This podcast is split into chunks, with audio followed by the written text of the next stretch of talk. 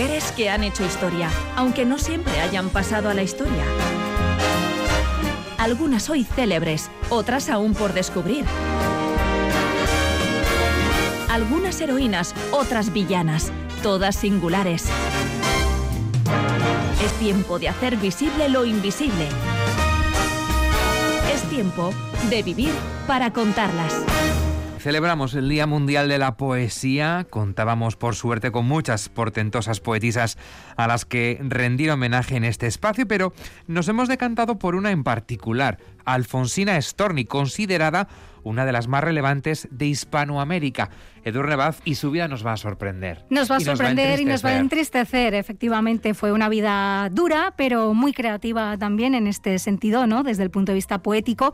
Ella está vinculada particularmente en sus inicios al modernismo, pero esta poeta, ensayista y dramaturga argentina cambió el mundo de las letras latinoamericanas, abriéndose paso en un mundo de hombres y combinó una firme determinación con una marcada sensibilidad que, claro, la arrojó finalmente a las garras de la melancolía más profunda y selló trágicamente su destino. Hoy, en Vivir para contarlas, Alfonsina Storni.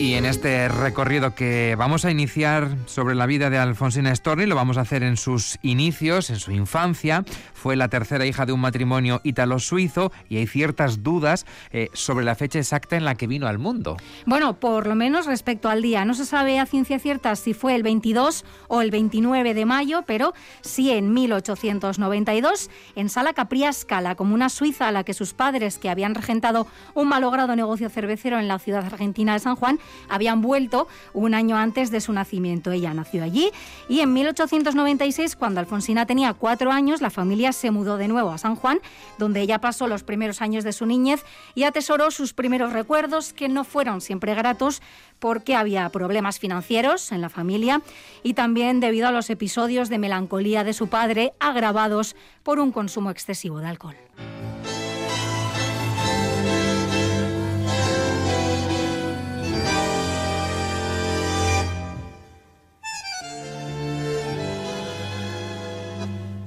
Como decimos, en 1896 la familia se muda a San Juan, pero en 1901 vuelve a hacer las maletas, en este caso para trasladarse a la ciudad de Rosario. ¿Cómo fueron esos años? Pues allí su madre, Paulina, que era una mujer con, digamos, frustradas inquietudes culturales, fundó una escuela domiciliaria al tiempo que su padre, Alfonso, decidió abrir un café en las proximidades de la estación de ferrocarril. Pero, como veíamos, su padre tenía serios problemas que impedían la buena marcha del negocio y las estrecheces económicas eran una realidad para una familia que ya por aquel entonces tenía seis miembros.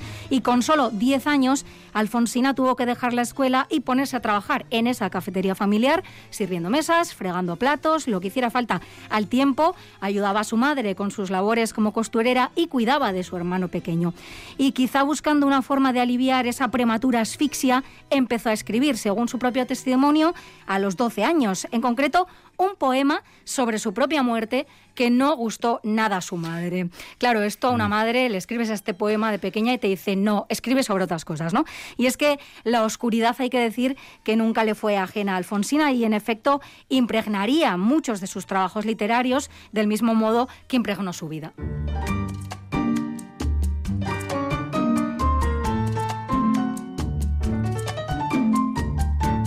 Una familia con escasez de recursos, con un padre con serios problemas eh, con el alcoholismo. Estamos viendo que estos primeros años de vida de Alfonsina Storni no fueron eh, precisamente felices, ¿no? Ni, ni sosegados. No, el ambiente familiar era angustioso y tuvo un contacto pues demasiado prematuro con el trabajo duro y esto empujaba a Alfonsina a soñar con otros horizontes más allá de aquel hogar, ¿no? Y buscando esos nuevos aires y también tener algunos ingresos propios, pues trabajó en una fábrica de gorras, como dependienta, eh, entre otras cosas, antes de, por pura casualidad, en este caso, acabar probando fortuna como actriz, ¿no? Se embarcó en una gira de un año con una compañía teatral que aunque sí le permitió ampliar esos paisajes de su infancia, no consiguió que remitiera su insistente sensación de asfixia.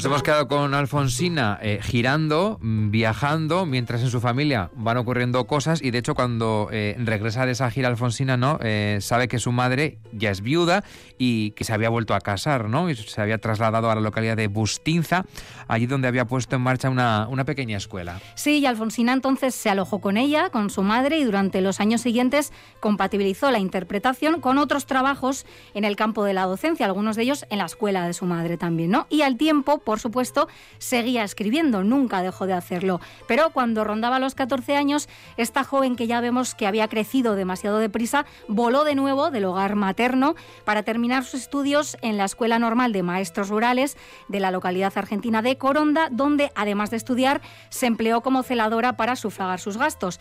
Pero cabe imaginar que esos gastos seguían siendo superiores a los ingresos y por esta razón Alfonsina empezó a escaparse los fines de semana a algún lugar que nadie conocía, pero del que volvía con dinero, en el bolsillo, ¿no?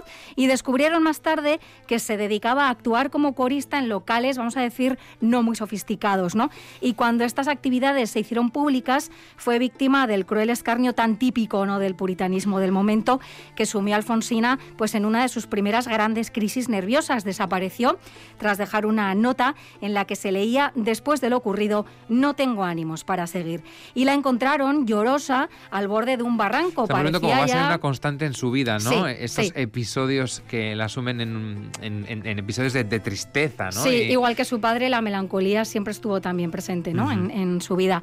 Y bueno, en aquel momento pues parecía dispuesta, igual ya de forma premonitoria, ¿no? A buscar el eterno consuelo en el abrazo del mar, pero en este caso llegaron a tiempo o bien Alfonsina decidió que no había llegado su hora. Y sea como fuere, bueno, retomó sus estudios y se diplomó como maestra, dispuesta a valerse por sí misma, como había hecho durante prácticamente toda su corta vida, se trasladó a Buenos Aires y se instaló en una pensión.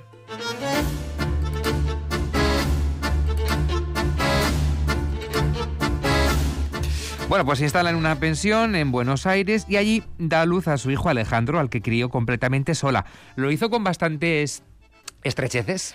Por supuesto, ya vemos que las estrecheces fueron una constante en la vida de Alfonsina y en aquel momento en particular era una joven de 20 años sola sin dinero y con, un, niño a su cargo, ¿no? Pero ¿qué hacía Alfonsina? Siempre se buscaba la vida y en este caso lo hizo también, ¿no? Y durante los años siguientes fue alternando siempre trabajos meramente alimenticios, como dependienta, en labores de administración, como docente, mientras mantenía viva la que era su verdadera vocación, ¿no? La escritura. Ella escribía, según sus propias palabras, para no morir. Y si bien hasta la fecha ya había publicado algunos poemas en algunas revistas locales, fue entonces cuando ya empezó a hacerse un hueco en los muy masculinos círculos literarios argentinos del momento. ¿no? Su primer libro, La inquietud del Rosal, publicado en 1916, tuvo una acogida muy tibia por parte de la crítica, pero le abrió la puerta a esos cenáculos literarios en los que en muchas ocasiones era la única mujer. La única mujer, ¿no? Era un círculo, como decimos, muy masculino. Y es que Alfonsina siempre fue una mujer poco convencional que se rebelaba contra los rígidos prejuicios morales de la época y en sus poemas hablaba sin tapujos de asuntos que para nosotros ahora están normalizados pero en aquel momento en no. aquel momento no. como por ejemplo? Por ejemplo, su deseo, el deseo de las mujeres o su condición de madre soltera y al final entonces estos temas eran inmorales o indecorosos, ¿no? Y esto le trajo bastantes problemas incluso en esos trabajos alimenticios de los que hablábamos.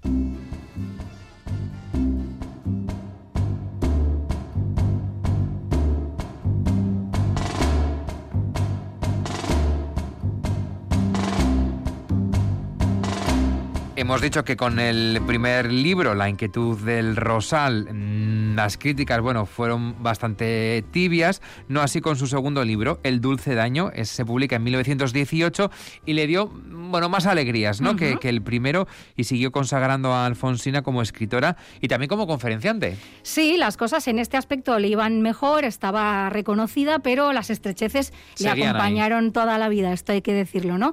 Pero a finales de la década de los 20 ya se había ganado un espacio en el mundo literario y también periodístico, y no en vano su libro Languidez, ya de 1920 había ganado el primer premio municipal de poesía y el segundo premio nacional de literatura. En 1925 publicó Ocre, que ya marcó un cambio muy notable en su estilo, con una mayor carga ¿no? de desencanto.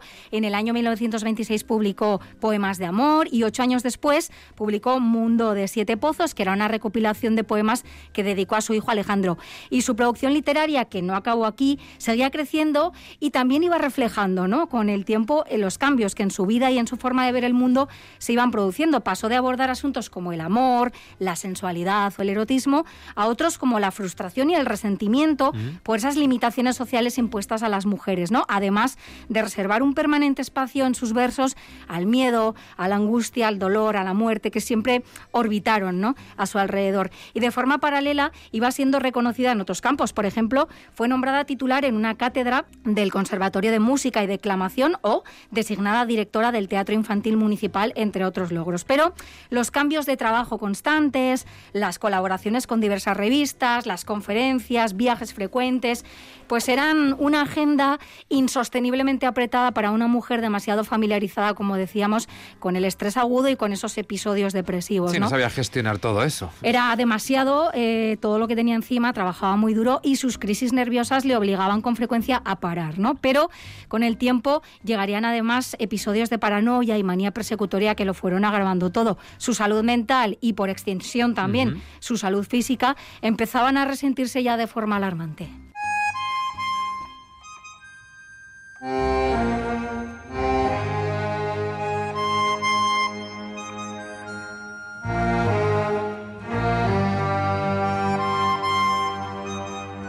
Estamos eh, hoy descubriendo a Alfonsina Storni en Vivir para contarlas. Estábamos hablando de su salud mental, ¿no? Que, bueno, pues empezaba a resentirse, eh, también su, su forma física.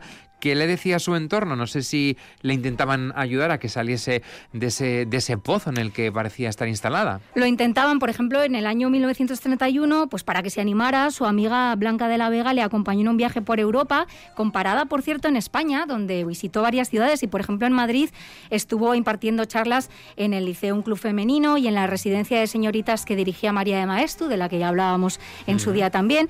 A su vuelta a Argentina, más animada, pues retomó las reuniones literarias, especialmente las que celebraban en el Hotel Castelar, por el que pasaban conferenciantes de renombre como Ramón Gómez de la Serna y en el que conoció además a su admirado Federico García Lorca, al que también dedicaría un poema. ¿no? Y unos años después hizo también un segundo viaje por Europa, en esta ocasión con su hijo Alejandro, pero por más que sus amigos y el propio Alejandro trataban de animarla, no terminaba de recuperarse y parecía perder progresivamente la ilusión y la esperanza. Y entonces un día mientras se bañaba en el mar, una fuerte ola le golpeó el pecho y sintió un dolor muy fuerte, tanto que perdió el conocimiento y al recobrarlo fue cuando se descubrió un bulto en el pecho que hasta entonces le había pasado desapercibido.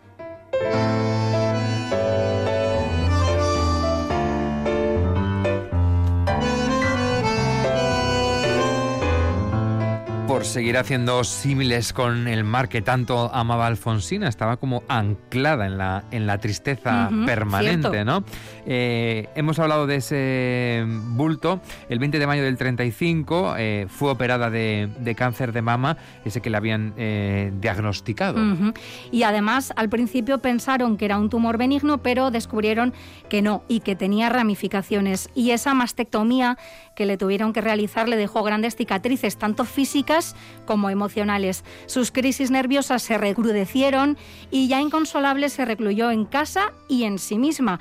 Pero además, el año 1937 le reservaba otro duro y quizá definitivo para algunos golpe, que fue el suicidio de su gran amigo, el escritor y dramaturgo Horacio Quiroga.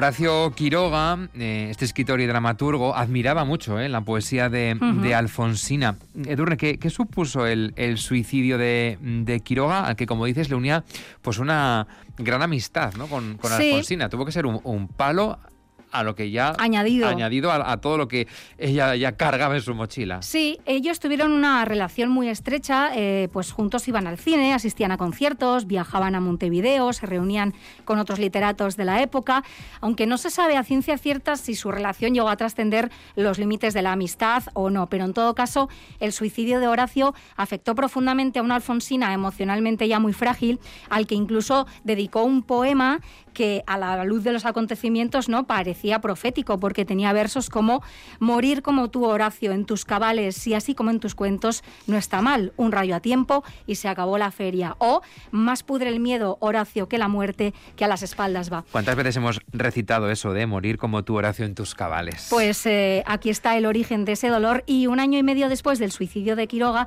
Alfonsina empezó a hablar recurrentemente del mar de su consolador abrazo de esa casa de cristal que le esperaba al fondo, pero aunque algunos creen que quizá eh, su destino tuvo que ver con su mal de amores, hay otra teoría más sólida que reside en esto, y es que en 1938 le contó a su hijo Alejandro que el cáncer se había extendido a la garganta y que ella no estaba dispuesta ya a más cirugías.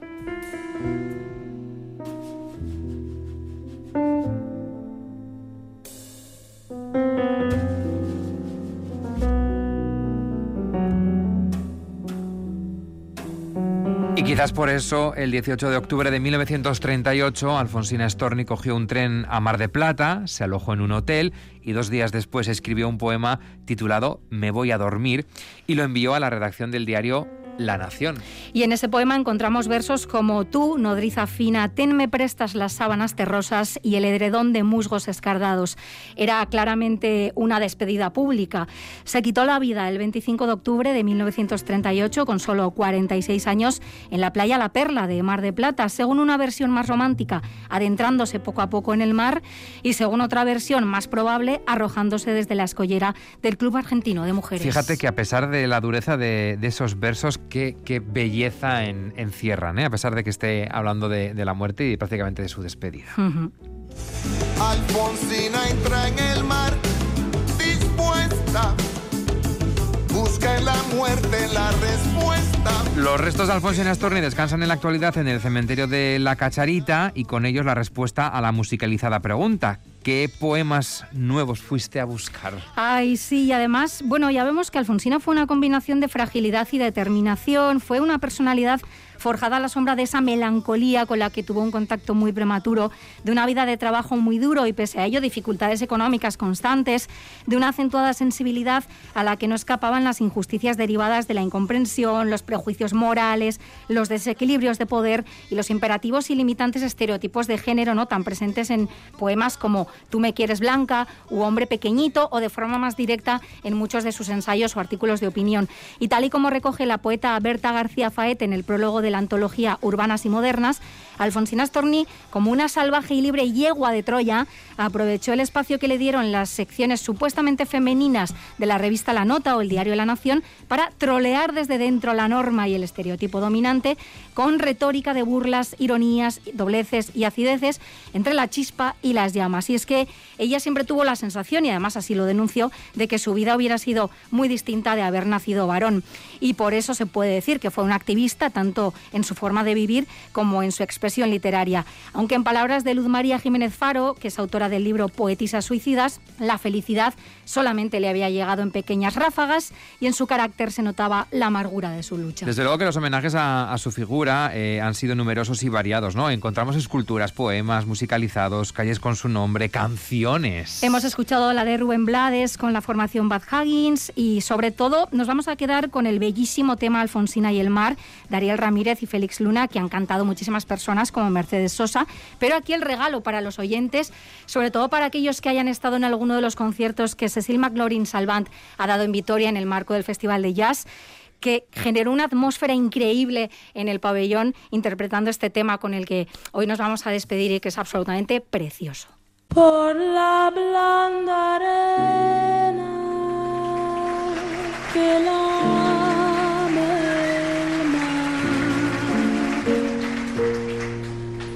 su pequeña huella no vuelve más. un sendero solo de pena y silencio llegó hasta el agua profunda.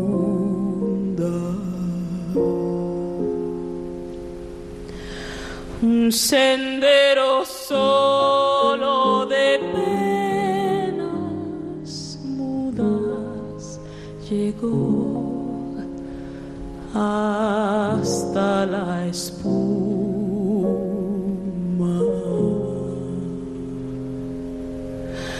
Sabe Dios qué angustia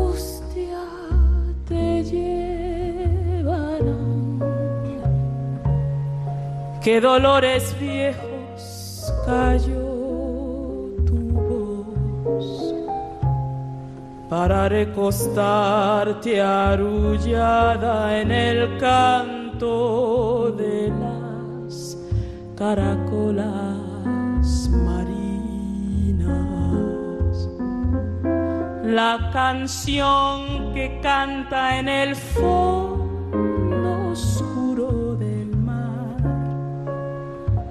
La caracola te vas Alfonsina con tu soledad. ¿Qué poemas nuevos fuiste a buscar? Una voz antigua de viento y de sal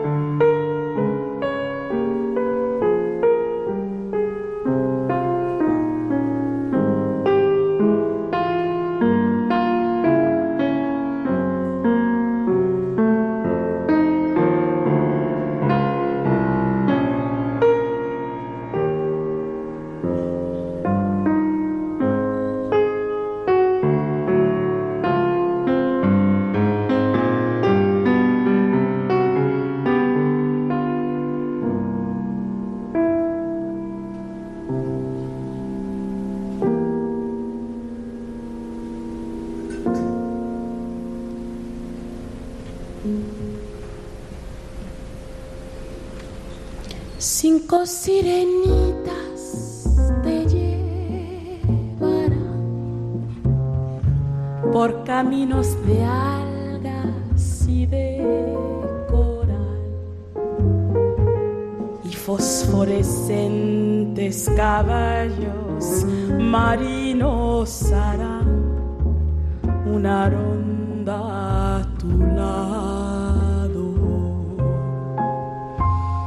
los habitantes del agua van a jugar pronto a tu lado. Bájame la lámpara un poco más. Déjame que duerme nodriza en paz. Y si llama a él, no le digas que estoy. Dile que Alfonsina no vuelve Y si llama a él, no le digas que estoy. Di que me ido. Te vas, Alfonsina, con tu soledad. ¿Qué poemas nuevos fuiste a buscar? Una voz antigua de viento y de sal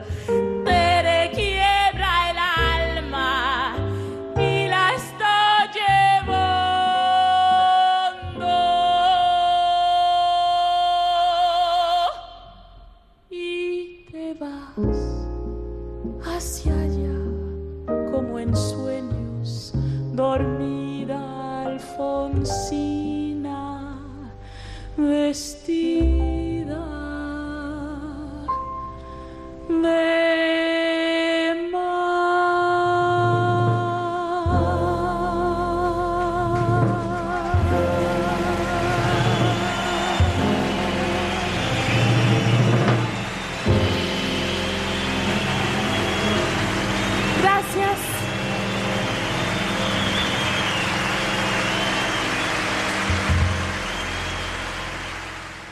Triste, pero bellísima en lo creativo. Algo así hay en la poesía también, no todo es dolor, obviamente, pero la belleza y el dolor a veces se dan de la mano, ¿no? Gracias, Edurne, por recuperar a Alfonsina Storni. Pues de nada. Para venir para contarles. Hasta Muchísimas otra. gracias. Agur.